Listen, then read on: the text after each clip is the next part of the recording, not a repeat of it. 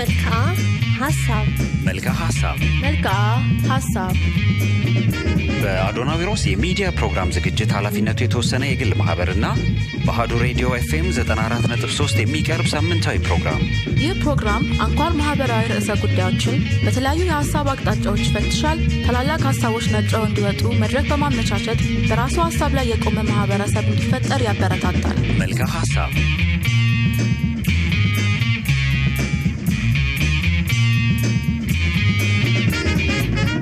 ሰላም ለእናንተ ይሁን ክቡራትና ክቡራን ያሉ ቤተሰቦች በየሳምንቱ ማክሰኞ ምሽት ከሶስት ሰዓት እስከ አራት ሰዓት ድረስ በቀጥታ የሚቀርበው የመልክዓ ሀሳብ ፕሮግራም ተጀምሯል።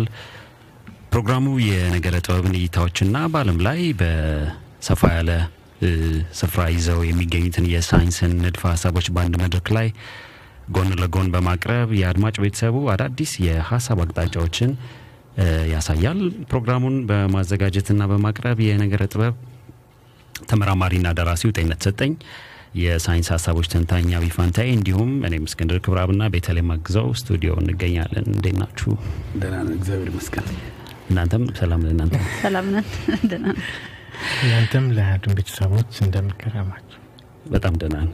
በቤተሰቦቻችን ወክዬ እ፣ ያው እንግዲህ ቤተሰቦቻችን በ ያው ከዛሬ ጀምሮ ከ- ከቤቴ ጋር በፌስቡክ በፌስቡክ በእኛ በመልክዓ ሀሳብ ሬዲዮ show ፕሮግራም የፌስቡክ ገጽ ላይ ሀሳባቸውን እኛ live በምንሄድበት ወቅት ላይ ሊያጋሯት ይችላሉ። ባህዱም ላይ መግባት ይችላሉ። ሁለቱንም በማቀናበር መልሳ ጥያቄ ካላቸው ጥያቄዎችን ለማስተናገድ እንዲያመች በዛ ብንሄድበት ይሻላል። ስለዚህ የ- የኮሚኒኬሽን ጉዳዮች ኃላፊ ሆነሽ ተሹመሻል። ስለዚህ ኦንላይን ስለሆንኩኝ የአዱ ቤተሰቦች ጥያቄ ካላቸው መላክ ይችላሉ። ጥሩ እንግዲህ ባለፈው ሳምንት በምልአተ ውህደት ላይ ከባለፈው ሳምንት ጀምሮ መነጋገር የጀመርነው ርዕሰ ጉዳይ ነው። ዛሬም በዚሁ ርዕሰ ጉዳይ ላይ እንቆያለን። ባለፈው ሳምንት ከተሰጡ ትንታኔዎች ተነስተው ቤተሰቦቻችን አንዳንድ ጥያቄዎችን ጠይቋል። ጨመቅ አድርገን ግን በአንድ ጥያቄ ስናመጣው በሱን ጀምር ብዬ ነው። አዎ፣ ጥሩ ሀሳብ ይስማማችኋል? ልክ ነው። ምንድነው በዋነኛነት የመጣው ጥያቄ የኢትዮጵያን ምልአተ ውህደት ስታወሩ እ፣ የኢትዮጵያን ምልአተ ውህደት ለማምጣት ሶስት አማራጮች እንዳሏት ተናግራችኋል። በግለሰብ በሀገርና በሌላ ሀያል በሆነ ሀሳብ ሌሎቹን ግን ለምንድን ነው ማያመጡት ማያመጡበት ሌሎቹ የተባሉት እንግዲህ ቤተሰቦቻችን ከኛ ጋር ለረጅም ጊዜ ከቆዩ ሌሎች የተባሉት ከሰባቱ የጥበብ አምዶች ውስጥ አራቱን ማለታችን ነው። ሰው ዛሬ በአራቱ ላይ ለምን የኢትዮጵያ ምልአተ ውህደት ለምን እንደማይመጣ technical በሆነ በሆኑ ምሳሌዎች ለማብራራት እንሞክራለን። ስለዚህ በመጀመሪያ ግን ለምንድን ነው የኢትዮጵያ ምልአተ ውህደት በቤተሰብ ደረጃ የማይመጣው? ምክንያቱም በአንዳንድ ሀገራት የሆነ አንድ ቤተሰብ royal family ተብሎ ወይንም በጣም ትልቅ class ያለው ቤተሰብ ተብሎ አገርን ሲመራ ይታያል። በዛ ሀገር ውስጥም ያሉ ሌሎች ቤተሰቦችም በዛ ሀሳብ ስር ተጠቃለው ሲተዳደሩ ይታያል እና እንደውም አንዳንድ ቤተሰቦች በውጭው ዓለማት ማለት ነው ሲምቦል ተደርገው ወይም የሀገሪቱ ምልክት ተደርገው የሚታዩባቸው ሀገራት አሉ። በተለይ በሩቅ ምስራቅ ሀገራት ኢትዮጵያ ላይ ይሄ የማይመጣው ለምንድን ነው? ወደዛ ሀሳቦች ውስጥ ከመግባታችን በፊት ግን የሆነ ለተወሰነ ደረጃ ምናልባት ዛሬ ላይ እንደ አዲስም ለመስማት የሚሞክሩ ሰዎች ካሉ ምልአተ ውህደት የምንለው ነገር ምን እንደሆነ oneness የምንለው እሳቤ እንደሆነና ይህ ክፍል ደግሞ ይሄ አንድ ላይ በማሰባሰብ ውስጥ ወይም ደግሞ እርስ በርስ በመቻቻል ውስጥ የሚሰበሰብ ነገር እንዳልሆነ ምልአተ ውህደት ምን oneness የሚባለው ልክ እንደ አንድ የሚታይ ነገር ውህደቱም ጠንካራ ውህደት እንደሆነና እንደ አንድ እንደምታየው ለምሳሌ አንድን ሰው ወስደን አንድ ሰው ሙሉ አካሉን ብትመለከት ምልአተ ውህደት ነው የሚያከናውነው። ስለዚህ ያ ስለሆነ እ፣ ዓይንና እጅ ተመካክረው ተስማምተው ወይም በሕግ እና በመመሪያ ወይም በሆኑ ነገሮች ውስጥ ብቻ አብረው አንድ ላይ መኖር የጀመሩ ሳይሆን ልክ እንደ አንድ አካል እንደ አንድ ቅርጽ የያዙ ናቸው። ስለዚህ ምልአተ ውህደት የምንለው እንደ አንድ oneness የምንለው እሳቤ እንደሆነ ብዙዎቹ የበለጠ ወይ ወደ ኋላ ሄደው እንትኖቹን ሊመለከቷቸው ይችላል። እሱን እንደ አንዱ እንውሰደውና አሁን እንግዲህ ወደ አነሳኸው ጥያቄ ላይ ስንመጣ እንግዲህ በብዙ ሀገሮች ውስጥ እኛም ባለፈው ስናነሳ ሰባት ዘርፎች እንዳሉ ደጋግመን ብዙ ጊዜ ላይ እዚህ ቤት ውስጥ ሰባት ሰባት ሰባት ሰባት ነገር እናነሳና ከነዛ እስከ ሰባቶቹ ውስጥ በሶስቱ ኢትዮጵያ እንደምትችል ምክንያቱም ሁሉም ሀገራት ተመሳሳይ የምልአ ውህደትን የየራሳቸው አላቸው። ኢትዮጵያ ላይ ግን ያለ ጥናት ወይም ደግሞ ኢትዮጵያ ውስጥ የምልአ ውህደትን የማምጣት ሂደት የሚያመላክተው በአብዛኛው የሚያሳየው ነገር እኛ ጋር ባለ ጥናት ነው። ግን ሌሎች አጥኚዎች አይ አይደለም፣ በሌላም ዘርፍ አለ ኢትዮጵያ ምልአ ውህደት ማምጣት የምትችል oneness እንደ አንድ ህዝቧ ልክ እንደ አንድ መሆን የሚችለው ሌሎች ዘርፎችም አሏት ካሉ ሊያመጡት ይችላሉ። እሱ ብዙ የሚያከራክር ስላልሆነ ማለት ነው። ግን እኛ በምናውቀው ስለሆነ እያወራን ያለው አንድ የሀሳብ አቅጣጫ ስለሆነ እንዲሆን ዘግተን እንዳይመስል ሌላ የለም ከዚህ በኋላ የኛ ነው ብቻ ነው እንዳይመስልም። ግን ያው ሀሳብ ስለሆነ እያቀረብን ያለ ነው። እኛ ጋር ከሚገኙ ከሰባቱ ትልልቅ ከሚባሉ ምልአ ውህደት ያመጣሉ ተብለው ከሚባሉት ከሰባቱ ዘርፎች ውስጥ ኢትዮጵያ በተለየ ኢትዮጵያ ነው እንግዲህ አሁን እያወራን ያለ ነው። ሌላ ሀገር ግን ሌላው ሊችል ይችላል። ግን ኢትዮጵያ በሶስቱ ዘርፍ ብቻ ነው የምትችለው። ኢትዮጵያ ውስጥ የሚያሳየውም በታሪክም በምንም ስንመጣ በሶስት ዘርፎች ምልአ ውህደት የማምጣት እድል አላት። ስለዚህ ይሄ ስላላት ኢትዮጵያ የበለጠ በእነዚህ በሶስት ዘርፎች ላይ በተሰራበት ነው ብዙ ርቀት የሚወስዳት የሚል ሀሳብን ያነሳ ነው። ከእነዚህ ነገሮች ውስጥ አንዱ የግለሰብ የምንለው ነው። ሁለተኛው ርስት ሀገር ወይም ሀገርን መሰረት የሚያደርግ ነው። ሶስተኛው የማዕከለሰብ የምንለው ሆኖ አሁን አንተ ላነሳው ጥያቄ መሀል መሀል ላይ ሁለት ሁለት እየተውን መተናል። ሰባት ስለሆነ ሶስቱን ካነሳን ያው አራት ስለሚቀር አራቱ መሀል መሀል ላይ ትተናል እና አንዱ ከዛ ውስጥ ምንድነው የቤተሰብ የምንለው ለምንድነው ኢትዮጵያ ምልአ ውህደትን በቤተሰብ ማታመጣው? ምን ማለት ተፈልጎ ነው? አንድ የኢትዮጵያ ውስጥ አንድ የንጉሳን ቤተሰብም ይሁን አንድ ቤተሰብ ብቻ አንድ ዝርያ ማለት ቤተሰብ የምንለው ክፍል በስጋ በደም የሚዋሃድ የተዋለደ ማለት ነው፣ በዘር የሚዋለድ ማለት ነው እና እሱን እንደ አንድ እንትን ወስዳ የሀገሪቱ ሲምቦል ወይም ደግሞ የሀገሪቱ ምልክት አድርጋ አገሪቷ በዛ ቤተሰብ ውስጥ ማትሰባሰበው ለምንድን ነው? ለምሳሌ ጃፓን ላይ ንጉሳን ቤተሰብ ያለበት እንግሊዝ ላይ ምናምን ስንመለከት ይሄ ነገር ይታያል እና ኢትዮጵያ ለምንድን ነው እንደዛ አይነት አካሄድ ያልተከተለችውና አንድ ንጉሳን ቤተሰብ መስርታ ሀገሪቷ ህዝቦቿ በዛ ስር እነኛ እንደ ሲምቦል አድርጋ መቀጠል ያልቻለችው የሚል ነው እና ኢትዮጵያ ውስጥ የቤተሰባዊ ስርዓትን የማምጣት ሂደት በጣም ከባድ ነገር ነው የሚያመጣው። አንደኛ የመጀመሪያ የሚነሳው ጥያቄ የትኛው ንጉሳዊ ቤተሰብ ነው ኢትዮጵያ ውስጥ በበላይነትና ለሀገሪቷ ሲምቦል ሆኖ መምጣት ያለበት የሚል ነው። እንግዲህ ምናልባት የቅርቦቹን እየጠራ ልንናገር እንችላለን ግን በነገስታቶቹ አንደኛው አንደኛውን እያወረደው አንደኛው አንደኛውን እያወረደው ነው የመጣው እንጂ ያው ራሱን ችሎ ቤተሰብ እርስ በርስ እየተዋለዱ እየተዋለዱ የቀጠሉ አይደለም። በኢትዮጵያ ታሪኩ ዝም ብለን ብንመለከት ሰባት መቶ ዓመታት ከ12 13ኛ ክፍለ መጀመሪያ 12ኛ ማብቂያ ጀምረን እንኳን እንመልከተው ብለን ብንል ከዛን ጊዜ ጀምሮ ያለው ኢትዮጵያ ውስጥ የምንመለከተው የነገስታቶቹ ወይም ደግሞ ኢትዮጵያ ውስጥ እንደ ትልቅ ሲምቦል አድርገን እንዳንወስዳቸው ልጆቻቸው እንኳን አይተኩም።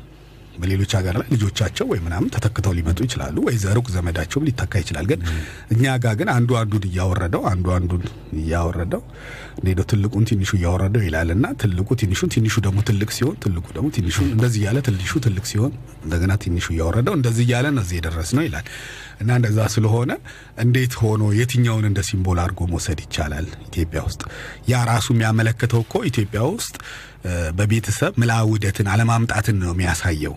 ቢያመጣ ኖሮ አንዱ ጋር ይረጋ ነበር፣ እስካሁን ይረጋ ነበር። አንድ ቤተሰብ ይረጋና የእሱ ዝርያ እየቀጠለ እየቀጠለ እየቀጠለ የእሱ ልጅ ልጅ የእሱ ምናምን እያለን የዛን ቤተሰብ ልክ እንደ አንድ ሲምቦል እንደ አንድ ምልክት አድርገን የሀገሪቱ ዋና እንትን አድርገን እነሱም የተለየ እንትን ተሰጥቷቸው አገሪቷ በዛም ብዙ መቀጠል ትችል ነበረ። ግን ኢትዮጵያውያኖች በእንደዚህ በእንትን ደረጃ አይሰባሰቡም፣ የመሰባሰብ ባህሪያትም አያሳዩም። እና ምልአ ውህደት በቤተሰብ ደረጃ ላይ አመላክቱም የሚል ትልቅ ነገር ይነሳል ማለት ነው። እንግዲህ እዚህ ጋር። ጥሩ። እያወራልኝ የመጣ የመጣልኝ ነገር ምንድን ነው? በአንድ ወቅት ላይ ትልቅ የነበረ ንጉሳዊ ቤተሰብ ሮያል ፋሚሊ ምንለው በጥቂት ቀናት ውስጥ በጣም ተራና እንደውም ተሳዳጅ ይሆናል። መልሶ ማለት ነው። እና በዚህ ሁኔታ ኢትዮጵያውያን የ royal family ን ውህደት በዛ symbol ኢትዮጵያን ማዋሃድ እንደማይቻል ነው ታሪኳ የሚያሳየው ማለት ነው። በባህሪ ደረጃም አትችልም ማለት ነው ኢትዮጵያ። አዎ ያለውም የታሪክ ሂደትም ዝም ብሎ ረጋ ብሎ ላጠናው ሰው ለሚመለከተው ሰው አሁን እንዳልከው ሌሎች ሀገራት ላይ የምንመለከተው የምልአ ውህደት በቤተሰብ ያመጡት ረጅም ዘመናት አላቸው እና ወደ ኋላ ሄደ ብትሄድ ሁለት መቶ ሶስት መቶ አራት መቶ ምናምን በጣም ረጅም ሰባት መቶ ስድስት መቶ ዓመታት ልትቆጥርላቸው ትችላለህ። ቤተሰቦቻቸው ምንም ሳይሆን ህዝቡም ያንን አክብሮ አክብሮ ምናልባት በተለየ ሁኔታ በሌላው ህዝቡም በዛ ስር ሆኖ ያ ልክ የአገሪቱ ሲምቦል ወይም የአገሪቱ ምልክት ስለሆኑ እነኛ ሰዎች እንዳይነኩም ጥንቃቄ ተደርጎ በነዛ በምልክትነታቸው እንዲቀጥሉ ይደረጋል። ኢትዮጵያ ውስጥ ይህ ነገር ብዙ ተሞክሯል። ያው በየራሱ ሂደት ላይ አሁን ለምሳሌ የሚኒሊክን ጉዳይም ብታመጣ በኋላ እያሱን ነው እሳቸው ያመጡት፣ ግን በኋላ አፄ ኃይለሥላሴ ናቸው ቀጥሎ የገቡት። በቦታው ላይ እያሱ አይደለም የቀጠለው። ከዛ ወደዛም ስትሄድ የዮሐንስ ጉዳይ አለ። ከዛም ወደዛ ስትሄድ እንደዚህ ቴዎድሮስ እንደዚህ ያልክ ብትመጣ አንደኛው አንደኛው ላይ የምታየው ነገር ምንድነው? አንዱ ያለመቀጠል ነገር እስካለ ድረስ እንደውም ይበልጥ ኢትዮጵያ ውስጥ ከቤተሰባዊ ይበልጥ ይሄ ግለሰባዊ በጣም ብዙ ይመራል። ኢትዮጵያ ውስጥ ብዙ ያስኬዳል። የግለሰብ ለዛ ነው እኛ ኢትዮጵያ ውስጥ በግለሰብ የመሰባሰብ ነገር ይታያል የሚል ሀሳብ ያነሳ ነው እና ኢትዮጵያ ዝም ብለህ ብትመለከት አሁን በሚኒሊክ ጊዜ ሚኒሊክን እንደ ዮሐንስም ጊዜ ዮሐንስን መውሰድ ትችላለህ። እንደዚህ እያረክ በየነገስታቶች በሚመጡበት ሰዓት አሁን በቅርቡንም በደርግ ጊዜ ብትል መንግስቱን መንግስቱ ኃይለማርያምን መውሰድ ትችላለህ። እንደዚህ እያልክ በኋላም ደግሞ አሁን በኢህአዴግ ጊዜ መለስን እንደዚህ እያልክ መምጣት ትችላለህ። እነዚህ እነዚህ ምንድን ነው የሚያሳዩ አንድ እንትን ላይ የመሰብሰብ ነገር ይታያል። ልክ ግለሰብ እነዛ ሰዎች ምንድን ነው የሚያመለክት እነኛ ሰዎች ከቦታው ላይ ዞር ሲሉ ክፍተት ማሳየቱ ነው የሚያሳይ ገብተዋል። አሁንም ያለ አሁንም የምንገኘው ዶክተር አብይ ጋር የመሰበሰብ ነገር ይታያል። ልክ እንደዛ አይነት ነገር ምንድን ይሄ ግለሰባዊ ስብስብ ይታያል ኢትዮጵያ ውስጥ። ያ ኢትዮጵያ ምልአተ ውህደት በዛ ዘርፍ የማምጣት እድል እንዳላት ያሳያል ነው። ግን አሁን ችግር ብለን ያልነው ቅድም እንግዲህ ከጠራሁት ውስጥ ምልአተ ውህደት እነዛ ችግር ብለን ያልነው ግን ያ ሰው እንግዲህ ሰው ነውና እድሜው አጭር ነውና እሱ ሲዞር ሲል ክፍተት እየተፈጠረ ነው።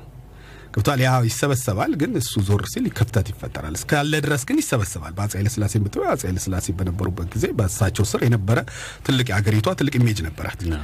የየራሳቸው ይመጣሉ። እነዛ መሪዎቾቹ የተባሉት ሲመጡ በነዛ ስር ህዝቡም፣ ወታደሩም፣ ህብረተሰቡም ሰው symbol የሚያደርገው ያንን ሰው ነው። አንድ ግለሰብን symbol አድርገው ይወስዳል እና እንደ ምልክት ይወስድና ያ ሰው ዞር ሲል ክፍተቱ ሲፈጠር ታያለ። ስለዚህ ግን ይመጣል። ኢትዮጵያ ውስጥ በግለሰብ ደረጃ ይመጣል፣ ግን ብዙ ርቀት አይወስደንም ነው ጥያቄው። ብዙ ለዚህ ነው ብልጭ ድርግም ብልጭ ድርግም እያልን እየተቸገር ነው የሚል አንድ ሀሳብ አለ ኢትዮጵያ ውስጥና በቤተሰብ ይበልጥ እንደውም የግለሰቡ በጣም ተሻለ። በቤተሰብ ደረጃ ላይ ብዙም አይደለም። አሁን በአፄ ኃይለሥላሴ ቤተሰብ ውስጥ ሳይሆን ትልቁ ነገር ያለው ራሱ አፄ ኃይለሥላሴ ላይ ነው ያለው።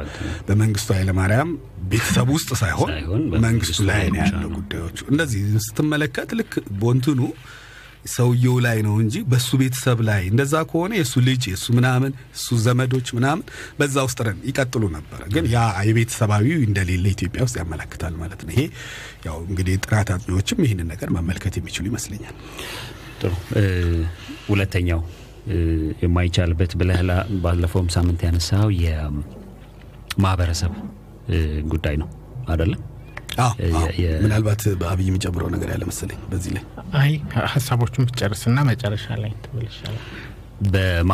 በማህበረሰብ ደረጃ ወይም ማህበረሰብ ስንል ትርጉሙን በእኛ በዚህ በመልካ ሀሳብ አገላለጽ እንተርጉመውና አሁን አሁን አሁን ባለው ነባራዊ ሁኔታ ማህበረሰብ ማለት ብሔር ተብሎ የተተካው ነው። ብሔር ብሔረሰብ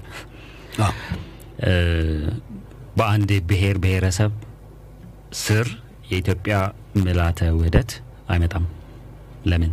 ምን ይሄ እኮ ምንም አጠያቂ ጉዳይ አይደለም። አሁን እንደውም ብዙ experience ያለን ሰዎች ስለሆነ እኛ ኢትዮጵያውያን ለምሳሌ በአንድ ብሔር ስር ሌሎች ብሔሮች በሙሉ እንዲጠቃል ከአሁን ቀደም እንዳለው በአንድ ቤተሰብ ስር የኢትዮጵያ ሕዝብ ሁሉ እንዲጠቃለን እንደምናስበው ሁሉ እንደ አንድ ሲምቦል አድርገን አንዱን ቤተሰብ እንውሰድ ብለን ባልንበት ውስጥ ወይም ደግሞ ኢትዮጵያ ውስጥ የሚገኙትን ብሔሮች ደግሞ ወይም አንድ የሚገኙትን ማህበረሰቦች ደግሞ ማህበረሰብ እያለ ነው የኛ የሚለው ነገሩ እና ማህበረሰብን ወስደን በዛ ማህበረሰብ የኢትዮጵያ ሕዝብ ሁሉ በዛ ውስጥ ይጠቃለል ብለን ብንል ይሄ ብዙ የሚያስኬድ አይደለም። ያው አሁን ያለው ተጨባጭ ሁኔታም በዛም በብዛት የሚያሳየንም ስለሆነ ይሄ ብዙ የሚያከራክር አይደለም። የጎንዮሽ ስለሆነ የጎንዮሽም ስለሆነ ምንድን ነው እንደሌለ ኢትዮጵያ ውስጥ ያሳያል። አሁን ራሱ እንኳን እንኳን በአንድ ስር ተጠቃለን ቀርቶ አብረንም ሆነንም አልቻልነውም አይደል? እርስ በርስ እንኳን አብረን ለመቀላቀል እንኳን አንድ ላይ ለመሰባሰብም የተቸገርንበትን እንኳን ምልዓተ ውህደትን ለማምጣት ማለት አብረንም ለመንትን ለማለት እየከበደን ይመስላል። እና ምንድን ነው የሚያሳየው ይሄ በአንድ እንትን ስር ማምጣት አይቻልም። አንድን የበላይ አድርገህን አምጥተህ በዛ ስር እንዲጠቃለሉ ማድረግ ግን ይሄ ሀሳብ ግን በሌሎች ሀገራት ላይ ግን ይታያል። የለም ማለት ግን አይደለም አይደለም። ለምሳሌ በብዙ ሀገራት ላይ ስትመለከት አንድ የዘር የዘር ክፍል ወይም ደግሞ አንድ የማህበረሰብ ክፍል የበላይነቱን ይዛል። አውሮፓ ውስጥም አለ። ጥቃቅን የሆኑት በዛ ስር ይኖራሉ ዝም ብለው እንጂ ሁሉም ይመጣሉ ወደ ላይ ማለት አይደለም። እና አሁን የበላይነቱን ይዘው የሚገኙ አንድ የተወሰኑ ክፍሎች ይመጣሉ ወደ ላይ እና እነዛ ቦታ ቦታውን ይዙትና ሌሎቹ በዛ ስር የሚኖሩበት አለ። ሌላ ሀገር አውሮፓ ውስጥ በብዛት ይታያል ይሄ ሀሳብ እንደውም። ስለዚህ ኢትዮጵያ ውስጥ ግን ይሄ ብዙም የመምጣት እድሉ ብዙም እንትን የሚያስኬድ አይመስልም።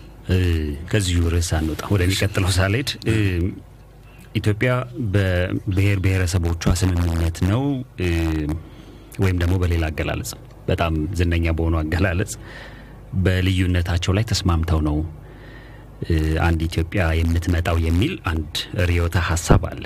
እንደ አንድ ፍልስፍና አሁን ያለውን መንግስት ለረጅም ዓመታት ተጠቅሞበታል ይህንን ፍልስፍና።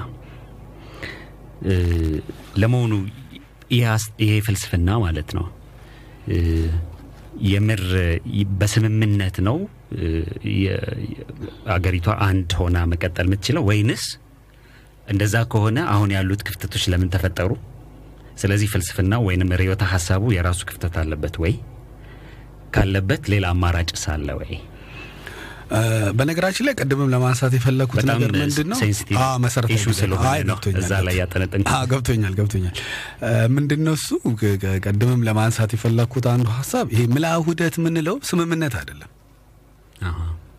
በመጀመሪያ ደረጃ በዚህ ጽንሰ ሀሳብ መግባባት ከቻልን በኋላ ከዛ ወዲያ ወደሚቀጥለው መምጣት እንችላለን። ምልአ ውህደት ማለት ስምምነት አይደለም። ለምሳሌ ስምምነት ማለት እኔ አይኔና ጆሮዬ ወይንም እጄ ተስማምተው አይደለም በአብረው መኖር የጀመሩት። ምልአ ውህደት ማለት ወደ oneness ማለት ወደ አንድ መቀየር ማለት ነው። እንደ አንድ ይሆናል። እንደ አንድ ሲሆኑ መሰረታቸውን ይስታሉ ማለት አይደለም። አይን በሙሉ ጆሮ ይሆናል አይደለም። ጆሮ ሁሉ አፍንጫ ይሆናል ማለት አይደለም። ግን ጆሮም ጆሮነቱን ይዞ አይንም አይንነቱን ይዞ ግን ተስማምተው አይደለም። ይሄ በጣም ትልቅ የፍልስፍና ክፍተት አለ ተስማምተው ሳይሆን እንደ አንድ አካል ሆኗል። ራሱ አይኔን እኮ ገብቼ ብመለከተው አይኔ ውስጥ እኮ ነርቩ ነርቩ ሌሎቹ አካላት የደም ዝውውሩ ምናምን ራሱ እኮ አለ፣ ግን አይን ተብሎ ነው የሚወሰደው። ግን ያ ማለት በሙሉ እንደ አንድ ህልው ይሆናል ማለት ህልው ህልው ማለት እኔ ስባል ህልው ነኝ ራሱን የቻለ እንደ አንድ ህልው ምጠራ ነኝ። ለምሳሌ ኢትዮጵያ ስንል ኢትዮጵያ አንድ ህልው ነች ማለት ነው። ኢትዮጵያ አንድ ህልው ነች፣ ኬንያ አንድ ህልው ነች፣ ሶማሌ ህልው ነች። እንደዚህ እያልክ አፍሪካ ሀገራት ወይም ደግሞ ሌሎችን ሀገራት ጠርተህ ታስቀምጣለህ። ያ ምንድን ነው? በራሱ ህልው የሆነ እንደማለት ነው። ሀገራት ከሀገራት ጋር ማለት ነው። ይህን ደግሞ ከፍ አድርገህ ደግሞ አፍሪካ እንደገና አውሮፓ ምናምን እያልክ ደግሞ አፍሪካን እንደ አንድ ህልው ልትወስደው ትችላለህ። ህልው ማለት እንደ አንድ የሚጠራ ማለት ነው። ስለዚህ ኢትዮጵያ ስንል የመስማማት አይደለም። የስምምነት ከሆነ ህልው አይደለም። ምንድነው በመካከላችን እኛን አንድ ሊያደርገን የቻለ አንድ ነገር አስቀምጠናል ማለት ነው። ስምምነት ሲሆን ወይ ህግ አውጥተናል፣ ወይ መካከላችን እምነት አለ፣ ወይ የሆነ ነገር ብቻ አብረን ለመኖር የሚያስችለን ያስቀመጥነው ከፊታችን ያዘጋጀነው ነገር አለ። ያ ነው ማለት ነው እንደ ማሰሪያ የሆነን ስምምነታችን። ከዛ ምን ይሆናል? አንድ ቀን አይን ያነብና ያንን ስምምነት ጥሰሃል ይላል አይደል? ጆሮ ደግሞ አይን ያልጣስኩም እንደዚህ ነው ያደረኩት እና ይሄ ጭቅጭቁ መነሳቱ አይቀርም። ያው ስምምነት ሲሆን እግር እኔ ስደክም ውላለሁ ይላል። አይን እኔ እንጂ ስደክም የዋልኩት እኔ ባላይላ አንተ መመቼ ትሄድ ነበረ ይላል። እንደዚህ እየተባለ የክርክሮች ይነሳሉ። የስምምነት ሲሆን መቼስ እዚህ ዓለም ላይ ስንኖር የሰው ነገር አስቸጋሪም ነው በራሱ በተፈጥሮ እንደገና በሁለተኛ ደረጃም ስንመለከተው ፍጹም የሆነን ነገር ማምጣት ከባድ ነው። እኩል የሆነ ነገር ማለት አንዱ ሳይጎዳ አንዱ ሳይመጣ በትክክል ማምጣት በጣም ከባድ ነገር ነው። ያ ማምጣት በማይቻልበት ሁኔታ ስምምነት እስከ ድረስ ነው የሚያስማማን ነው። እንደውም የስምምነቱ ሳይሆን ህልውን የሚያመጣው ይሄ ኢኮኖሚካል ነገር ምናምን የመሳሰሉት የህብረት የመፍጠር ጉዳይ ምናምን የሚል አለ። ሌላ በሌላ ዘርፍ ላይ ሌላ ጊዜ ወይ ውይይት እናደርግበታለን። እሱ ዘርፍ እሱን እንደውም እንደ አማራጭ ወስዶታል። ለምንድን ነው አይን ከጆሮ ጥቅም የሚያገኝ እስከሆነ ድረስ አብሮ የመቀመጥ እድሉን ያሰፋል። ምክንያቱም ከጆሮ ጥቅም የሚያገኝ ስለሆነ ነው የሚቀመጠው አብሮት የተቀመጠው እንጂ ለጥቅሙ ሲል ይቀመጣል። ጆሮም ከአይን የሚያገኘው ጥቅም ስላለ አብሮ መቀመጥ ይችላሉ። በዚህ ሊስማሙ ይችላሉ። ከህግ በላይ እንደውም ኢኮኖሚካል ነገር የበለጠ የጥቅማ ጥቅም ነገር ያስራቸውና እንደ አንድ ሊያኖራቸው ይችላል የሚል ሀሳብ ህልው ማ- እኛ ግን ምልአተ ውህደት ያልነው ግን ይሄንን አይደለም።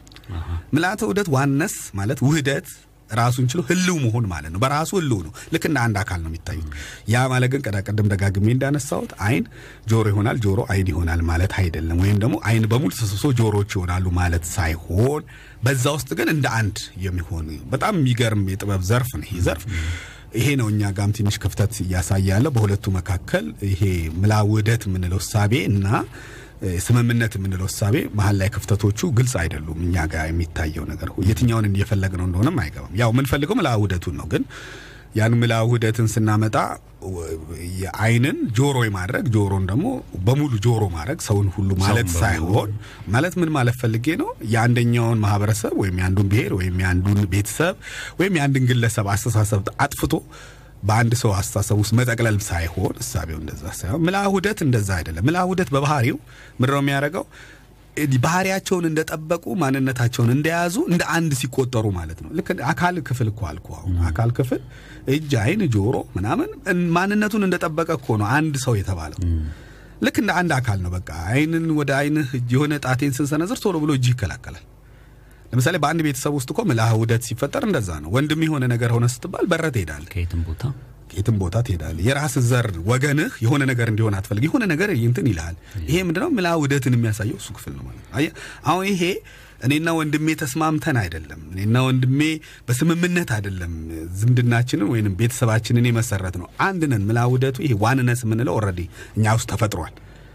ይሄ oneness የሚለውን እሳቤ መፍጠር ነው ትልቁ basic የሚባለው በጣም መሰረታዊ ተብሎ የሚባለው በሰው ልጆች ውስጥ መምጣት አለበት ተብሎ የሚታሰበው ይሄ ሀሳብ ነው። እና ኢትዮጵያ እንዳልነው ያው በስምምነቶች አይደለም ኢትዮጵያዊ ኢትዮጵያን ማለት ኢትዮጵያ ምልአ ውህደትን ታመጣ በኢትዮጵያዊነት ምልአ ውህደት ይመጣል ሲባል እኛ ተስማምተን ኢትዮጵያን እናኑራት አናኑራት ኢትዮጵያማ ራሷ ትኖራለች እኛ ባንልም ብን ምክንያቱም በራሷ ነች እኮ በራሷ ህልው ነች። በራሷ ህልው ስለሆነች እሷ ትቀጥላለች እኮ። ይህ ማለት ነው? ትውልድ ወደ ትውልድ እኛ የዛሬ ትውልድ ባንል የኔክስት ትውልድ እኮ ይቀጥለዋል። ችግር አለ? እሱ እኮ የኛ ጉዳይ ነው እንጂ ኢትዮጵያ ኢትዮጵያ ነች። ምን እኛ አይደለንም እስከ ዛሬም ጊዜ ያመጣናትና እንደዛ አይመስለኝም ሀሳቡ። አሁን እንግዲህ ጤንነት አሁን ካነሳቸው ነጥቦች አንጻር ብዙ ጊዜ ይሄ ማህበራዊ መዋቅር ተደርገው ነው የሚወሰዱት እነዚህ ብዙ በእንትኖች ላይ ሲነሱ እና በዚህ ማህበራዊ መዋቅር ውስጥ ብዙ ጊዜ በዋነኝነት ሁለት ነገርን ያስቀምጣሉ። አንድ ማህበራዊ የሆነው ነገር አለ፣ ከዛ ደግሞ ግለሰባዊ የሆነው ነገር አለ። እነዚህ ሁለቱን አንድ ላይ መጥተው የሚሄዱበት አይነት መንገድ ነው ብዙ ጊዜ ማህበረሰብን እያደራጀው ወደ ላይ ይዞት የሚሄደው የሚለው አይነት እሳቤ አለ። አሁን አንተ ስታነሳው ጥያቄ ላመጣ ፈልጌ ነው። ምክንያቱም ምንድን ነው ብዙ ጊዜ በእንዲህ አይነት አቀማመጦች ውስጥ ይሄ ማህበራዊና ኢኮኖሚያዊ ሶሾ ኢኮኖሚክስ ነው ተብሎ የሚወሰደው እና አሁን በኢኮኖሚ አንድ ለመምጣት አሁን የአውሮፓ ህብረት ምን እንደምንለውም አይነት ነገሮች በኢኮኖሚ አንድ ላይ ለመምጣት ማህበር የማደራጀት አንድ ለመሆንም ይሞከራል እና በኢትዮጵያም ውስጥ አንድ የኢኮኖሚ ማህበረሰብ ለመፍጠር የሚለው አንድ ያመጣናል የሚሉ እሳቤዎች ስላሉ ይሄስ የኢኮኖሚ ነገር ዋንነትን ወይም አንድነትን ያመጣል ወይ የሚለው አሁን እኮ ምንድን ነው በሌላ ጊዜ እንመጣበታለን ብዬ ነው። የኢኮኖሚ ጉዳዮች አሉ፣ የእውቀት ጉዳዮች አሉ፣ የእምነት ጉዳዮች አሉ። እንደዚሁ የህግ ህግ በማውጣት ማለት መሰረታዊ ህገ መንግስቱ ምንም ብለን ህጎችን በጣም ሰፋፊ ትልልቅ ህጎችን በመካከላችን በማስቀመጥ ጋይድ ሊይዘን የሚችል ህግ በማስቀመጥ በመሀላችን ይህንን oneness እናመጣለን ነው የሚሉ በተለያየ እሳቤዎች አሉ አለማችን ላይ ብዙ ሀገራት በየራሱ ጥረት እያደረጉ ነው። ግን ከነዚህ ይበልጥ አሁን የምትላቸው economical የምንለው ሀሳብ ከምን ከምንለው የበለጠ በተሻለ በብዙ ሀገራት ላይ እየሰራ ያለው ይህ ቅድም ያነሳናቸው ሰባቱ ደርቤ ቤተሰባዊ የሆነው ምልአ ውህደት እ፣ ወይም ደግሞ አንድ ማህበረሰባዊ የሆነው ምልአ ውህደት ወይም ደግሞ ርስት ሀገር የምንለው ምልአ ውህደቶች ናቸው በተሻለ እየሰሩ ያሉት። economical ምልአ ውህደትን አያመጣም። በጣም አስቸጋሪ ነው ይመስላል ለብዙ እሳቤዎች ላይ ቢሆን ኖሮ አውሮፓ በጣም ምልአ ውህደቱን አምጥቶት ነበር። አውሮፓውያኖች እንደ አንድ ሀገር የመታየት እድላቸው ገና ድሮ ድሮ ይመጣ ነበር። አፍሪካም ብዙ መምጣት ትችል ነበር በዛ ቢመጣ ኖሮ እርስ በርስ በመተሳሰር በመምጣት ይህ ምን ማለት ነው? ጥቅም በጥቅም ጉዳይ ቅድም እንዳልኩ በአይንና በጆሮ መካከል ወስደ ጆሮ ሊኖር የሚችለው አይን እስካለልኝ ድረስ ነው ብሎ እንዲያስብ ነው። ግን አስቂኙ ነገር ምንድነው? አያስብም። አይን እስካለልኝ ድረስ ነው የምኖረው ነው ብሎ አያስብም። ለምን ነው ማያስበው መሰል አይንም ባይኖር ጆሮ እንደሚኖር ያውቃል። ገብቷል፣ ያውቃል። ይሄ አይደለም አሁን basic ኡ ጉዳዩ እሱ አይደለም። እንደሚኖር ያውቃል። እሱ በራሱ የራሱን እንጂ የሚያየው የዛኛውን side ማየት ላይ ብዙም አይደለም የሚሆነው። ስለዚህ እንደነዚህ አይነት የሚመስሉ ሀሳቦች በብዛት ይታያሉ እና ወደ አንድ ይሄ oneness የምንለው እሳቤ economical ነገር ላይ ይመስለናል። ግን ከውጭ ስናየው ግን practical ም ዝም ብለን ወደ ታች ወርደን ብንመጣ አሁን ለምሳሌ ታላላቅ ሀገራትና አሜሪካንም እንደምናምን ብን በ- በ economical ጉዳይ አይደለም መቼስ እንትናቸውን build ያደረጉት ሌላ ከበስተጀርባ ሌሎች ክፍሎች አሏቸው እና ብዙ ሀገራት ላይ ስንመጣ ከበስተጀርባ ያሉት እንደውም ይሄ አሁን እኛ የምናነሳው ይሄ ጥንታዊ የሆነው የዚህ የሰባቱ አምዶች ዘርፍ ነው እንደ ምልአ ውህደት ማምጫ የሚገለገሉበት እንጂ አሁን እኛ የምናነሳው economical ይሄ ህግ ጉዳይ የእውቀት ጉዳይ የምናምን እንዳልሆነ ይታወቃል። ግን ይሞከራል፣ አይሞከርም አይደለም። ግን ብዙ ሀገራት ይሞክራሉ። የተፈለገ ውጤት ግን አልመጣም። ያው ምንም practical የሚታወቅ ነገር ስለሆነ ያከራክራል። ሌላው በዓለም አቀፍ ደረጃ ባሉ በሌሎች ሀገራት የሚታይ ሌላ ተሞክሮ ደግሞ የየሀገራቱን ምልአተ ውህደት- ለማምጣት ሃይማኖትን ወይም እምነትን ሲጠቀሙ ይታያል። ምሳሌ አውሮፓና አሜሪካ ክርስትናን base ያደርጋሉ ከጀርባ እስራኤል የአይሁድን እምነት የመካከለኛው ምስራቅ ሀገራት ደግሞ Islamic state ወይም የ Islamic መንግስት ብለው ነው የሚመሰርቱ የመሰረቱትና እምነትን እንደ አንድ የተለያዩ ማህበረሰብን በዛ ሀሳብ ስር የማስጠለልና አንድ አድርጎ የመግዛት ወይም የማኖር approach ወይም አቀራረብ ተጠቅመዋል። ኢትዮጵያ ይህንን መጠቀም ትችላለች።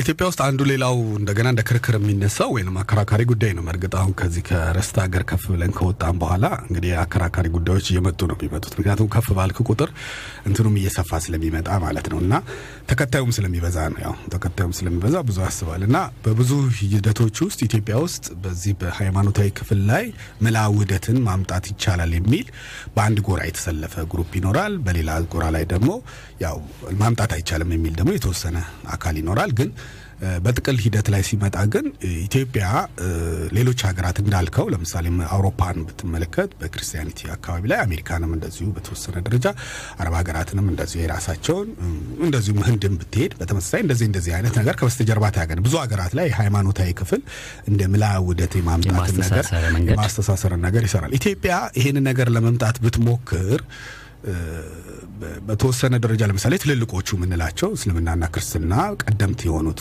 ትልልቆቹ ኢትዮጵያ ውስጥ ስለሚገኙ በእነዚህ ላይ መሰረት አድርጋ ኢትዮጵያ ምልአ ውህደት ለማምጣት ብትሞክር ሊወስዳት ይችላል ወይስ አይወስድም የሚለው ሀሳብ ላይ ብዙ ጥናቶች የሚያመላክቱት ነገር ኢትዮጵያ እንደማትችል ነው የሚያሳየው። ለምንድን ነው ሲባል ኢትዮጵያ በራሷ እነዚህ ክርስትናም ይሁን በእስልምናም በኩል ያሉት በሌሉ በሁለቱም ሃይማኖታዊ ክፍሎች ላይ ምንም የምናገኛቸውን ዘርፎች አብዛኛው አሁን ባለው ሁኔታ ነው ግን ማንሳት የፈለገው አሁን ባለው ተጨባጭ ሁኔታ አሁን ካለዋ ተነስቶ አሁን ባለው ተጨባጭ ሁኔታ ኢትዮጵያ አብዛኛውን ሁለቱንም ብትሆን ሁለቱንም ሀሳቦች ቢሆን ከሌላ ሀገራት የወሰደቻቸው ይበልጣሉ። የራሴ የምትለው ነገር ምክንያቱም አንድ ነገር ምልአ ውህደት ለማምጣት በአንድ ሀገር ላይ የራሱ መሰረት ማስቀመጥ አለበት። የራሱ መሰረት እዚሁ መገኘት አለበት እና ኢትዮጵያ በአብዛኛው በረጅም ርቀት ላይ በሰባት መቶ በምናምን ዓመታት ላይ በዚህ በሃይማኖታዊ ክፍል ያው መንፈሳዊ ክፍል ነው ትልቁን ሚና የሚጫወተው እና እነዚ አይነት ነገሮችን ዓለም አቀፉን ለመምሰል ብዙ ርቀት እንደሄደች የሚያመላክት ነገር ይታያል። ስለዚህ ዓለም አቀፉ ክፍል ገብቶ ዓለም አቀፍ የሆነውን በክርስትናውም እስልምናውም በብዛት ብንመለከት ከውጭ ያመጣቻቸው ሀገር ውስጥ ያሉትን ሸፍነዋቸዋል። ነገር ግን ኢትዮጵያ በሀገር ውስጥ ባሏት ኢትዮጵያ ውስጥ በሚገኙ መሰረቶች ማለት ቀድሞ በነበሩ ትልልቅ መሰረቶች ብትገለገል ግን ታመጣዋለች። ነገር ግን እነዛ አሁን እንደሚያመላክተን በብዙ የመውጣት አይነት ይታ- ይታይባቸዋል እየወጡ ናቸው በብዛት እና ዓለም አቀፉን የመምሰል አይነት ሂደት ያው almost ሰባት መቶ ዓመታት መታለች በርቀት ረጅም ርቀት። ስለዚህ ዓለም አቀፉን ለመምሰል እየሄደችበት ነው። በክርስትናው ይበልጡን በክርስትናው በኩል ላይ በይበልጥ ገባ ብለን ብንመለከት ዓለም አቀፉን ወደ መምሰል እየሄደች ነው። ነገር ግን ኢትዮጵያ ታላላቅ ነገር በእጇ ላይ አልነበረም ማለት ግን አይደለም፣ አላት። ይቺ ሀገር ትልልቅ የምንላቸው በሃይማኖታዊ ክፍል የራሷ የምትላቸው ትልልቅ ሀሳቦች ያላት ሀገር ነች። በሁለቱም ዘርፎች ማለት ነው። በክርስትናውም በእስልምናውም ብንመጣ በሁለቱም ትልልቅ ነገር እጇ ላይ አለ። እነዚህን ነገሮች ግን ረጋ ብላ ገብታ እነማን እንደሆኑና የትኞቹ እንደሆኑ ፈልጋ በእነሱ ላይ መሰረቱን ለማስቀመጥ ግን አልሞከረችም። ይበልጥ ሩጫ እየተካሄደ ያለው ዓለም አቀፉን ወይም ውጭውን የመምሰል ሂደት ስለሆነ እየተከተለች ያለችው። ስለዚህ ያ ደግሞ ውጫዊ ከሆነ ምልአ ውህደት አያመጣም ማለት ደባል ነው የሚሆነው። ደባል ስለሚሆን ከውጭ ያለው ሊያመጣ አይችልም። ኢትዮጵያ የራሷን ግን ብትጠቀምበት ብዙ አላት። በክርስትና እንትን ውስጥ ብትመጣ በብዙ መስመሮች ውስጥ አሁን የጽላት ነገር ብናነሳ በብቸኝነት ኢትዮጵያ ነች።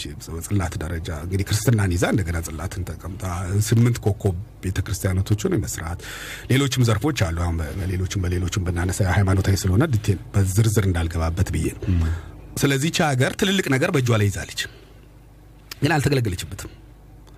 በእነዚህ ላይ መሰረትን ጥላ ወደፊት ለመራመድም አልፈለገችም። ያው ዓለም አቀፉን የመምሰል ሂደት ነው እያራመደች ያለችው። ስለዚህ ያ ደግሞ የውጭ ስለሆነ በዛ ወደ ውስጥ መምጣት አትችልም የሚል ሀሳብ አለን እና በሌላ ዙር ግን ከዚህ ይበልጥ ይሄ ማዕከለ ሰብ የምንለው በታላቁ ጥበብ ዘርፍ ላይ ኢትዮጵያ ረጅም ርቀት ለመምጣት የሚያስችል ነገር ሊኖራት ይችላል የሚል ሌላ ሀሳብ አለ። እሱን ሌላ ጊዜ የምናወራ ይሆናል እና ሃይማኖታዊ ክፍል ላይ ኢትዮጵያ ያለመገልገሏ ነው እንግዲህ ትልቁ ችግር። የራሴ የምትለው ነገር የማጣቷ ነው። ያው ዝም ብለን ቁጭ ብለን ብናይ ሁሉንም ነገር ከየት መጣ ስንል ከንትና እንላለን። ያው ዞረን ከኢትዮጵያ እንወጣለን። ምንም ጥያቄ የለውም። ይሄ ከየት መጣ ከንትን መጣ እንዴ? ራሷ ኢትዮጵያ የላትም እንዴ?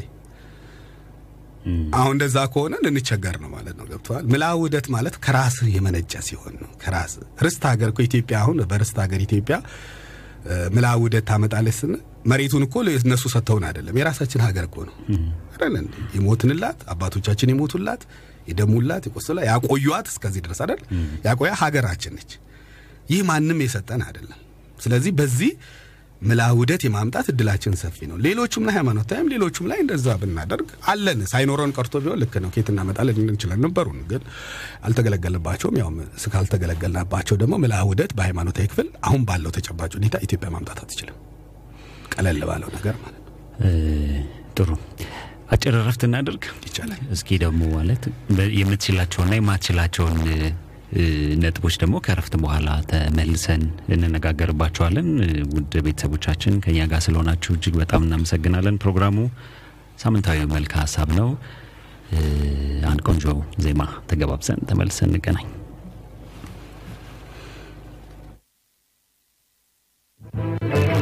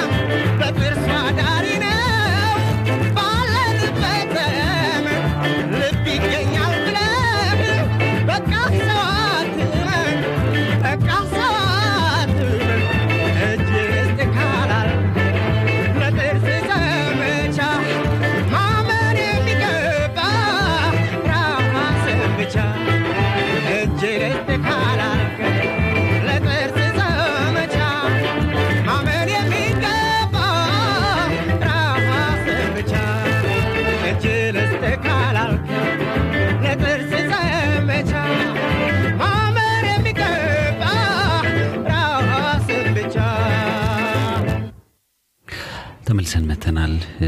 ውድ ቤተሰቦቻችን የዛሬው የመነጋገሪያ ርዕሳችን የሆነው የኢትዮጵያ ምልአተ ውህደት ጉዳይ በተለያዩ የጥበብ እርከኖች ላይ ነው እያየን ያለ ነው። የምትችልባቸውንና የማትችልባቸውን እያየ ነው። አንድ ይቀረናል። ምክንያቱም ሰባቱን ከዚህ በፊት ስለተነጋገርን ሶስቱን በሶስቱ ትችላለች ካልን ከአራተኛው ከአራቱ ደግሞ ሶስቱን ከሙዚቃ እረፍት በፊት ስለተነጋገርን የሚቀረን አንድ ነገር ነው። እሱም መንፈሳዊ ዘርፍ ነው። ኢትዮጵያ በመንፈሳዊ ዘርፍ እንደውም ከዚህ በፊት በተደጋጋሚ ኢትዮጵያ ትልቅ የመንፈሳዊ ሀብት አላት እያልን ነበረ እና ኢትዮጵያ ለምንድን ነው ምልአተ ውህደቷን በመንፈሳዊ ዘርፍ ማምጣት ማችለው?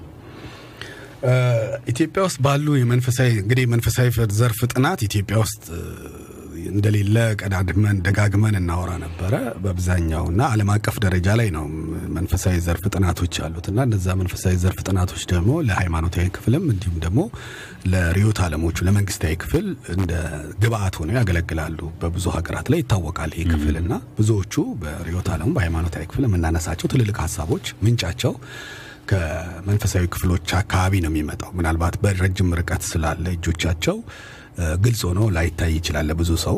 ያው ሰው የሚያየው የፊቱን የፊቱን ስለሆነ ከበስተጀርባ ግን ትልቅ መንፈሳዊ ክፍል ዓለም አቀፍም ስለሆነ ማለት ነው። መንፈሳዊ ክፍል በተወሰነ ደረጃ ላይ ሰብሰብ ያለ አይደለም። ከሃይማኖታዊ ክፍል ትንሽ ከፍ ብሎ ከፍም ብሎ ደግሞ የመምጣት ደግሞ ከሌሎቹ አብዛኛው ማህበረሰብ ደግሞ በሚስጥራዊ ደረጃ የሚገኝ ነው። መንፈሳዊ ሲባልም ራሱ እሳቤው ሚስጥራዊ እንደማለት ነው። ማለት በሚታየ ውስጥ ሳይሆን በማይታየ ውስጥ የሚገኝ ጥበብ ወይም በማይታየ ውስጥ የሚገኝ አስተሳሰብ ማለት ነው። መንፈሳዊ ማለት ሃይማኖታዊ አስተምሮት ስለሆነ አስተምሮቱን ያው ፊት ያለ ስለሆነ ትምህርቱን በመማር በዛ ውስጥ ማሄድ ትችላለህ።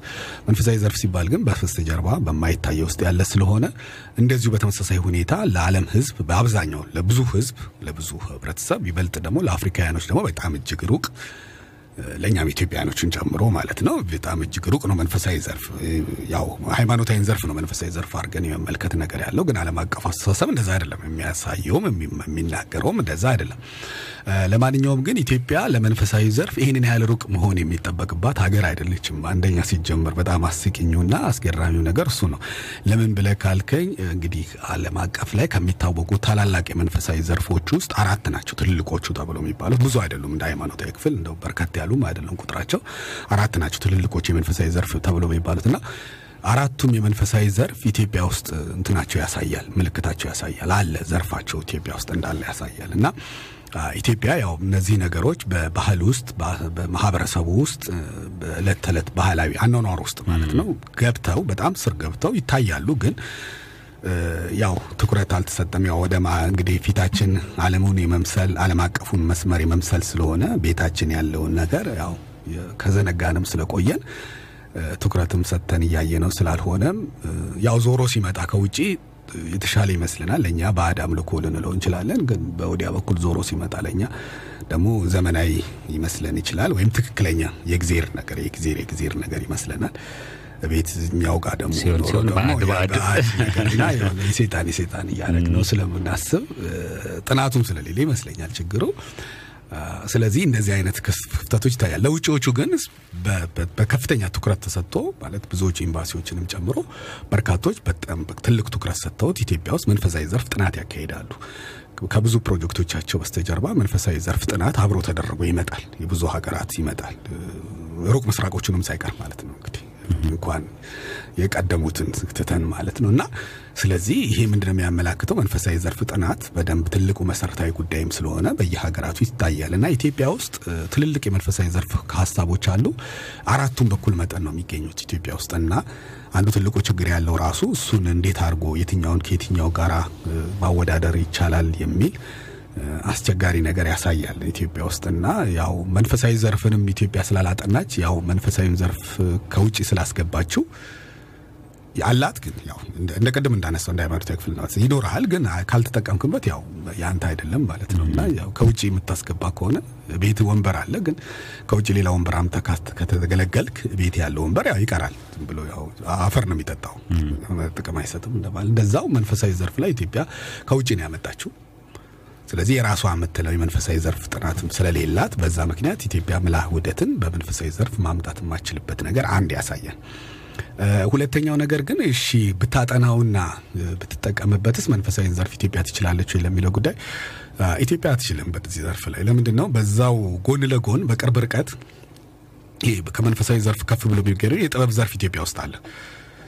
አሁን ኢትዮጵያ እንግዲህ አንዳንድ ጊዜ ደፈር እያለ ስለ ሄኖክ ታነሳለች። አንዳንድ ኢትዮጵያ ውስጥ ሄኖክ ዘርፍ ሄኖክ ሃይማኖታዊ ዘርፍ አይደለም በነገራችን ላይ እንደዛ። ምክንያቱም ሃይማኖት ባህልን ቅርብ ነው የመጡት አይደል? መቼስ ሰዎች ያው ሰዎች የራስ እንትን ሊሉ ይችላሉ፣ ግን ያ ቀረብ ያለ ጊዜ ነው። መልከ ጼዴቅን የምትመጣ ቅርብ ሃይማኖታዊ ዘርፍ አይደለም በራሱ ዝም ብለህ ለአውራው ብለህ ካነሳ ማለት ነው። ግን ያው ሃይማኖቶች ይገለገሉበት ይችላሉ፣ አይገለገሉበትም ማለት አይደለም። ሀሳቦቻቸው ሀሳቦቻቸው ሊገለገሉበት ይችላል እና እነዚህ ትልልቆቹ ማዕከለ ሰብ የምንላቸው ታላላቆቹ ኢትዮጵያ ውስጥ ይታያል። የነሱ መቀመጫ ይታያል ኢትዮጵያ ውስጥ እና ያ ደግሞ ምንድነው የሚያመላክተው ለመንፈሳዊ ዘርፍ እንግዲህ ከፍ ያለ ካጠገብ ካለ ለእሱ ክብርን መስጠት አግባብ ስለሆነ በመንፈሳዊ ዘርፍ በዛ ዘርፍ ኢትዮጵያ ውስጥ ምላ ውህደት በመንፈሳዊ ዘርፍ ከማምጣት ይበልጥ ከማዕከለ ሰብ ማምጣት የተሻለ ይሆናል። ምክንያቱም አራቱም እርስ በርስ የውድድር ነገር ስላላቸው ነው።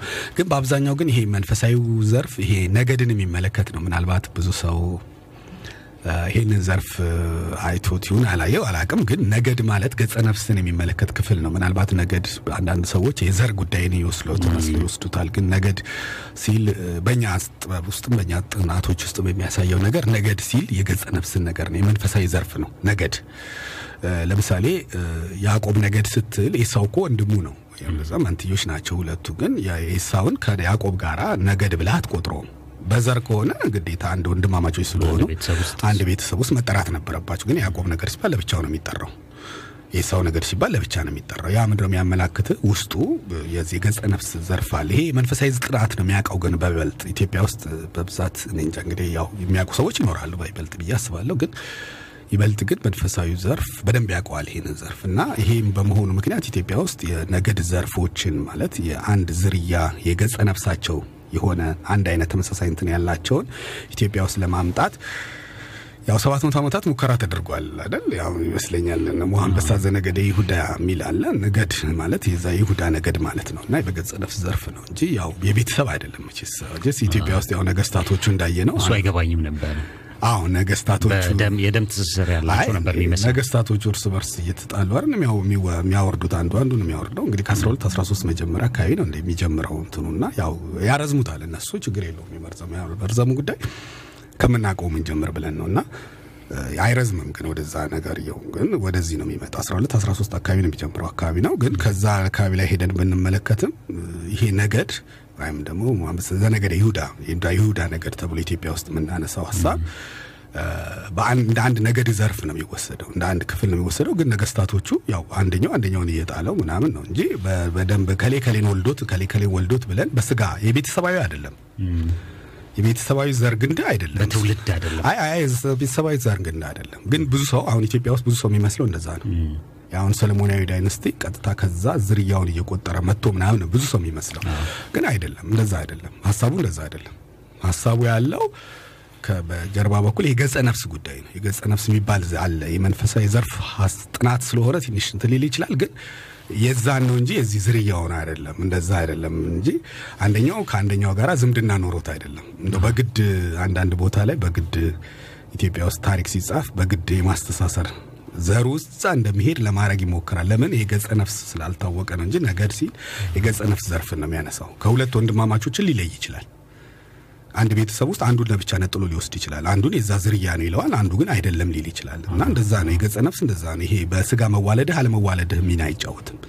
ከበስተጀርባ ነው የሚታየው። እሱ በእናት በኩል ነው በብዛት የሚታየው። ግን የሰፊ ሀሳብ ነው። በእርግጥ እዛ ውስጥ አሁን በዝርዝር ነገሮች ውስጥ መግባቱ ብዙም አስፈላጊ አይሆንም። ግን ያንን ነገር የሚያመላክት ነው እና ኢትዮጵያ በመንፈሳዊ ዘርፍም ብዙ ርቀት እንደማትሄድ ያሳያው ሰባት መቶ ዓመታት ስለመጣን ያ- ያ ዘርፍ እንዳልመጣ ያሳያል። ያ ነገድ የነገድ እኮ አልነበረን እና ያ ነገድ እርስ በርስም አይግባቡም ነበር። ያው አንዱ አንዱን እንትን የማድረግ ነገር ይታይ ነበር እና ብዙም የሚወስድ ነገር አይደለም እሱም ዘርፍ ማለት ነው። እሱም ቢሆን ልክ እንደ ከዚህ በፊት እንደጠቃቀስካቸው እንደ ቤተሰቡ እንደ ብሔሩ የጎንዮሽ ስለሆነ የነገድ ጉዳይ አሁን እንደገባኝ ከሆነ ስለዚህ ከአራቱ አራት ነገድ ያለው ማለት ነው። ብለን እንክፈለው በትልልቁ። እዚህ አራቱ ነገሮች እኩል ከተቀመጡ ማን ነው የትኛው ውስጥ ተነስቶ ነው የኢትዮጵያን ምልአተ ውህደት መፍጠር የሚችለው የሚለው ሌላ እንቆቅልሽ ነው የሚሆነው ማለት ነው። አዎ አንደኛው ምንድነው? ያው ሁሉም አንድ ቦታ ላይ ኢትዮጵያ ውስጥ መገኘታቸው መገኘታቸው ሲባል ያው ሌሎች ሀገራት ላይ የሉም ማለት ሳይሆን ለምሳሌ ባለፈው እንዳነሳ ነው አዎ ባለፈው ያነሳ ነው አሁን የጥምር ነገር አንስተን ነበር እና ይሄ ጥምር ግማሽ ሰው ግማሽ የሆነ አካል የሰብዳት ዝርያ የሚባለው ኢትዮጵያ ውስጥ አለ። ለምሳሌ አሁን የዛ ዘርፍ ኢትዮጵያ ውስጥ የዛ የመንፈስ ዘርፍ ኢትዮጵያ ውስጥ ይታያል። ምናልባት አንዳንድ ሰዎች ገጠሩ ክፍል ምናምን የሚያውቁት ይመስለኛል እና ይሄ የእባብ የመሆን ጅብ የመሆን ምናምን ነው። የመቀያየር አሁን እንደዛ የማሆን ነገሮች ምናምን ያመላክታል። ኢትዮጵያ ውስጥ በእርግጥ ይሄ ግማሽ በላይ ሌላ ፍጥረት ግማሽ በታች እንትን የሚለው በብዛት አይታይም። ኢትዮጵያ ውስጥ ብቻ ነው ያለ- አይመስለኝም። እኔም እዛ ላይ ያለ አልመሰለኝም። ግን እሱ ዘርፍ ግን ዘርፉ ግን አለ። ይሄ ጥምር የጥምር ዘርፉ ግን አለ። አስተሳሰቡ አለ ማለት ይሄኛው ባይኖርም አንገት ከግማሽ ሰው ግማሽ ምናምኑ በአካል ባይኖርም ባይ- ሀሳቡ አለ አይደለም አይደለም ሳይሆን የእሱ ዘርፍ ብዙ ነው ያለው። ለምሳሌ ይሄ ጥምር ቢባል ግማሽ ሰው ሲሆን ግማሽ ከዚህ በታች ከወገቡ በታች ሰው ሊሆን ይችላል፣ ከወገቡ በላይ ሌላ ፍጥረት ሊሆን ይችላል አሉ። ኢትዮጵያ ውስጥ አሁን ስዕሎች ያሳያሉ። አንዳንድ የጥንታዊ ስዕሎች ላይ አለ ከዚህ ከአንገቱ በላይ ውሻ የሆነና ከዚህ በታች ሰው የሆነው ምናምን ምናምን ይታያል አለ። ኢትዮጵያ ውስጥ ሀሳቡ አለ።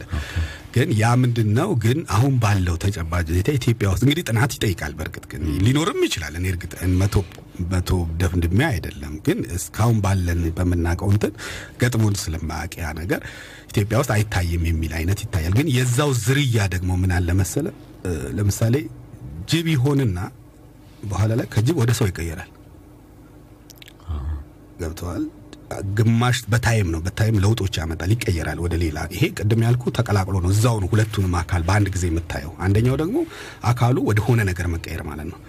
የሆነ ነገር ሆኖ መቀየር። እነዚህ ተረኮች ወይም ንግርቶች ኢትዮጵያ በብዛት አሉ። በተረቶች ውስጥ በጣም ምንም ገጠሩም ብዙ ቦታ ብትሄድ ይተረክ ይተረካል አለ። እንደገና ሌላው ሶስተኛው የዚሁ የሰብዳት ዝርያው እንትን ነው ጅብ ነው ወይም እባብ ነው ወይም የሆነ ፍጥረት ነው፣ ግን ልክ እንደ ሰው ነው የሚያስበው።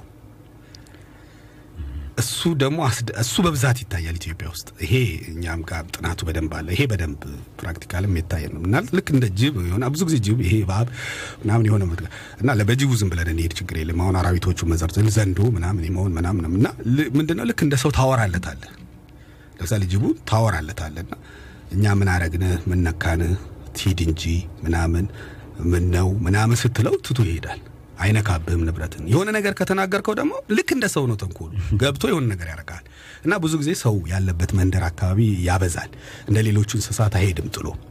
እሱ ዝርያ አሁን ኢትዮጵያ ውስጥ ይታያል። እንግዲህ ይሄ የሰብድአት ዘር የሚባለው ሰብድአት ማለት ሰብና ሰውና ዳት የተቀላቀለ ማለት ነው። ሰብድአት የሚባል ዝርያው እሱ እንዳለ አንድ ክፍል ያሳያል።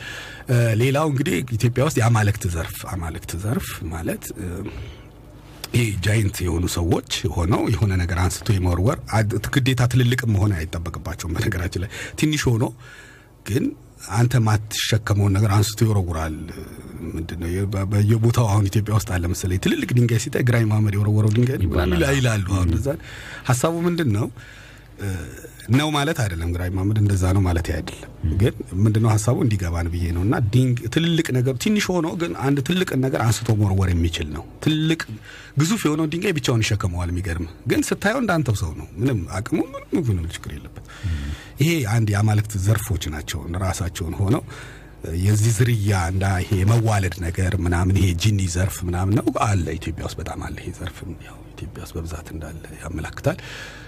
ሌላው ይሄ ከስውሩ ዓለም ጋራ የተያያዘ ያው ኢትዮጵያ ውስጥ እንደውም እንደ እስከ መግቢያው ማለት ወደ ስውሩ ዓለም የመግቢያ በሮች ሁሉ ሄኖክ ስላለ ኢትዮጵያ ውስጥ ያው ሄኖክ ስለሆነ የዛ ዘርፍ ይበልጡኑ ትልቁ ትኩረት የሚሰጠው ሄኖክን ያው ብዙ ሰው የሚያውቀው በሌላ ዘርፍ ነው። ግን በዚህ በስውሩ ዓለም ላይ ትልቅ እሱ ነው ዋናው ቁልፉ እሱ ነው። በጣም ዋናው እሱ ነው። ትልቅ የሚያሰኘውም እሱ ነው። የእሱ ዘርፍ ነው እና ስውሩን ዓለም ይቆጣጠራል። ከእሱ በታች ናቸው እንዳለ ያሉትና ስለዚህ የዛን ያህል አቅም ያለው ስለሆነ እሱ በዛ ዘርፍ በኩል ደግሞ በዚህም በኩል መንፈሳዊ ዘርፍ እንዳለ ያሳያል። የዚህ ስውሩ ዓለም ዘርፎች እንዳሉ በውጭው ዓለም ላይ እንግዲህ የቴክኖሎጂው ምኑም አንዳንድ ነገሮች ከዛ እንደሚመጡ ይነገራል። የተለየ ነገር ይሄ ስውሩ ዓለም ጉዳይ በጣም በብዛት ይወራል። በብዙ ፊልሞች ውስጥ ብዙ ስራ ይሰራበታል። ትንቢቶች ሁሉ ቀጥለው የሚመጡት አሁን እንደ ስታር ወር ብትመለከት Star Wars በነገራችን ላይ specially በዚህ ጉዳዮች ላይ ነው በጣም ትልቅ ትኩረት ሰጥቶ የሚሰጠው እነኚህ ፊልሞቻቸው ምናምን የመሳሰሉት እነዚህን area ዎችን በጣም ያመላክታሉ፣ ያሳያሉ። ስለዚህ ኢትዮጵያ ውስጥ የዚህ ዘርፍም እንደዚሁ ተመሳሳይ ሁኔታ ኢትዮጵያ ውስጥ ያሳያል። ግን ትልቁ ነገር ምንድን ነው? አንዱ ባለፈውም ደጋግመን እንዳወራ ነው በሌሎች ሀገራት ላይ በረጅም ርቀት በጣም በቀላሉ ልትደርስበት የምትችለው ለምሳሌ ይሄ በትልቅ መንፈሳዊ ዘርፍ ሆኖ በትልቅ መገለጥ ውስጥ የመጡ ሰዎች ኢትዮጵያ ውስጥ እንደ ቀላል ነገር ታገኛቸዋል። በሌላው ዓለም ላይ እነኛ ሰዎች ማግኘት በራሱ በጣም ከባድ የሚባልበት ነው። ማለት ብዙ ውስብስብ መንገድ ሄደህ ብዙ የመንፈሳዊ ዘርፍ ማለት የሚስጥራዊ የሆነውን ክፍል ብዙ ርቀት ሄደህ ልደርስበት የምትችልበትን ክፍል ኢትዮጵያ ውስጥ ግን እንደ መናኛ ነገር እንደ ቀላል ነገር በሆነ አካባቢ ታገኛለህ ኢትዮጵያ ውስጥ በቀላል የሆነ መንደር ውስጥ የሆነ አካባቢ ምናምን ሄደ ታገኛለህ። እና ይሄ ምንድነው የሚያመላክተው ኢትዮጵያ መንፈሳዊ ዘርፍ ላይ ይበልጥ ትኩረት ባለመስጠቷ እጇ ላይ ያለውን ነገርም አለማወቋ ያው ጥናቱም ስለሌለ ያ ጥናት ደግሞ ሁሉም ያጠናው አይደለም። በእርግጥ ራሱ እውቀት ይጠይቃል እንደ ራሱን ችሎ። ምክንያቱም አስቸጋሪ ዘርፍ ነው፣ መጥፎም ዘርፍ ነው። ጥንቃቄ ከሌለ ያስቸግራል። ዝም ብሎ እንደው ዘው የሚባልበት እንደ ትምህርት አይደለም። እና እንደዛ ነገር ስላለው ያው ምት- የምትገባበት ክፍል ከሌሎች እንትኖች ያሉበት ስለሆነ ያንን ከአንተ በላይ ከፍ ያሉ ስለሆኑ እዛ ያሉት እሱን ጥንቃቄ የሚጠይቅ ዘርፍ አለው። ግን ለማንኛውም ግን ይህን ዘርፍ እኛ እንዳልተመለከት ነው ያሳያል። ኢትዮጵያ ግን በመንፈሳዊ ዘርፍ በኩል ላይ ምላ ውህደት ማምጣት አትችልም። ነገር ግን ይህ ሁሉ ኖሮ አትችልም። ለምንድን ነው ሁሉም በእኩል መጠን የሚኖሩባት ሀገር ነች። እኩል የሚኖሩበት ስለሆነ ልክ እንደ ብሔር እንደ ምናምን እንዳልከው አሁን እኩል የሚኖሩ ከሆነ የማንን ወደ ላይ ልታወጣ ነው? ማን ለማን ሊገዛልን ይልሃል? መጀመሪያ ሲነሱና ከቤታችን ጠፍቶ ነው ወይ ከውጭ ይዘ የመጣኸው አለ አሉ እና መንፈሳዊ ዘርፍ ላይ ነው እና ከቤታችን ጠፍቶ ነው ወይ ከውጭ ያመጣኸው ይላል እና እንደዛ አይነት ነገር አለ እና ማን ከማን ይበልጣል ይላል። ስለዚህ እንደዛ አይነት ነገር ስለሚያነሳ መንፈሳዊ ዘርፍ ማንም ለማንም በዚህ ስር ተጠቃልዬ እነሱን እንደ ምልክት እንደ ሲምቦል አድርጌ አገሪቷ እኔ በእነሱ ስር አብሬያቸው እኖራለሁ ተጠቃልሌ እኖራለሁ አይልም። ስለዚህ የቀረን ማን ነው? ሰባተኛው ነው ሰባተኛው ነው የማዕከለ ሰብ ጉዳይ ነው። እሱ የሚቀጥለው ላይ ስንመጣ ሶስቱን ዘርፎች ደግሞ የሚቻሉትን ደግሞ ለብቻ እንገባና በኢኮኖሚውም በሕጉም በምኑ እየገባን ደግሞ ትንታኔ መሰጥበት ይሆናል። ግን የአህዱ ቤተሰቦች እንዲገባቸው የሚያስፈልገው ይሄ የኛ ሀሳብ እንደሆነና ሌላ ሀሳብ ካላቸው ደግሞ እነሱ መጨመርም እንደሚችሉ እንጂ የተደመደመ እንዳልሆነ ጥናትም እንደሆነ ያው እንዲያውቁት ለማድረግ ያክል ነው። በመግቢያም ላይ ለመጥቀስ እንደሞከርኩት የነገረ ጥበብ እይታንና በአንድ በኩል በሌላ በኩል ደግሞ በዓለም ላይ የሚታወቁ ሳይንሳዊ ንድፈ ሀሳቦችን ደግሞ በአብይ በኩል እንግዲህ ለቤተሰቦቻችን እንደ የሀሳብ በፌ ነው እያቀረብን ያለ ነው። ሰው እይታዎቻቸውን፣ አቅጣጫዎቻቸውን ማሳየት ለማሳየት ያህል ይበቃሉ ብለን እናስባለን። እንሰነባበት። ጥሩ እንግዲህ የዛሬውን ፕሮግራማችን በዚሁ እናጠናቅቃለን። ሳምንት ግን በዚሁ በምልአተ ውህደት ጉዳይ ላይ አሁንም ከፍ ብለን በጥልቀት እና በስፋት መተንተናችንን እንቀጥላለን። እስካሁን ለነበረን ቆይታ እጅግ በጣም እናመሰግናለን። አብረናችሁ የቆየ ነው ጤንነት ሰጠኝ፣ አብይ ፋንታዬ፣ እስክንድር ክብራብና በተለይ ማግዘው ነበርን።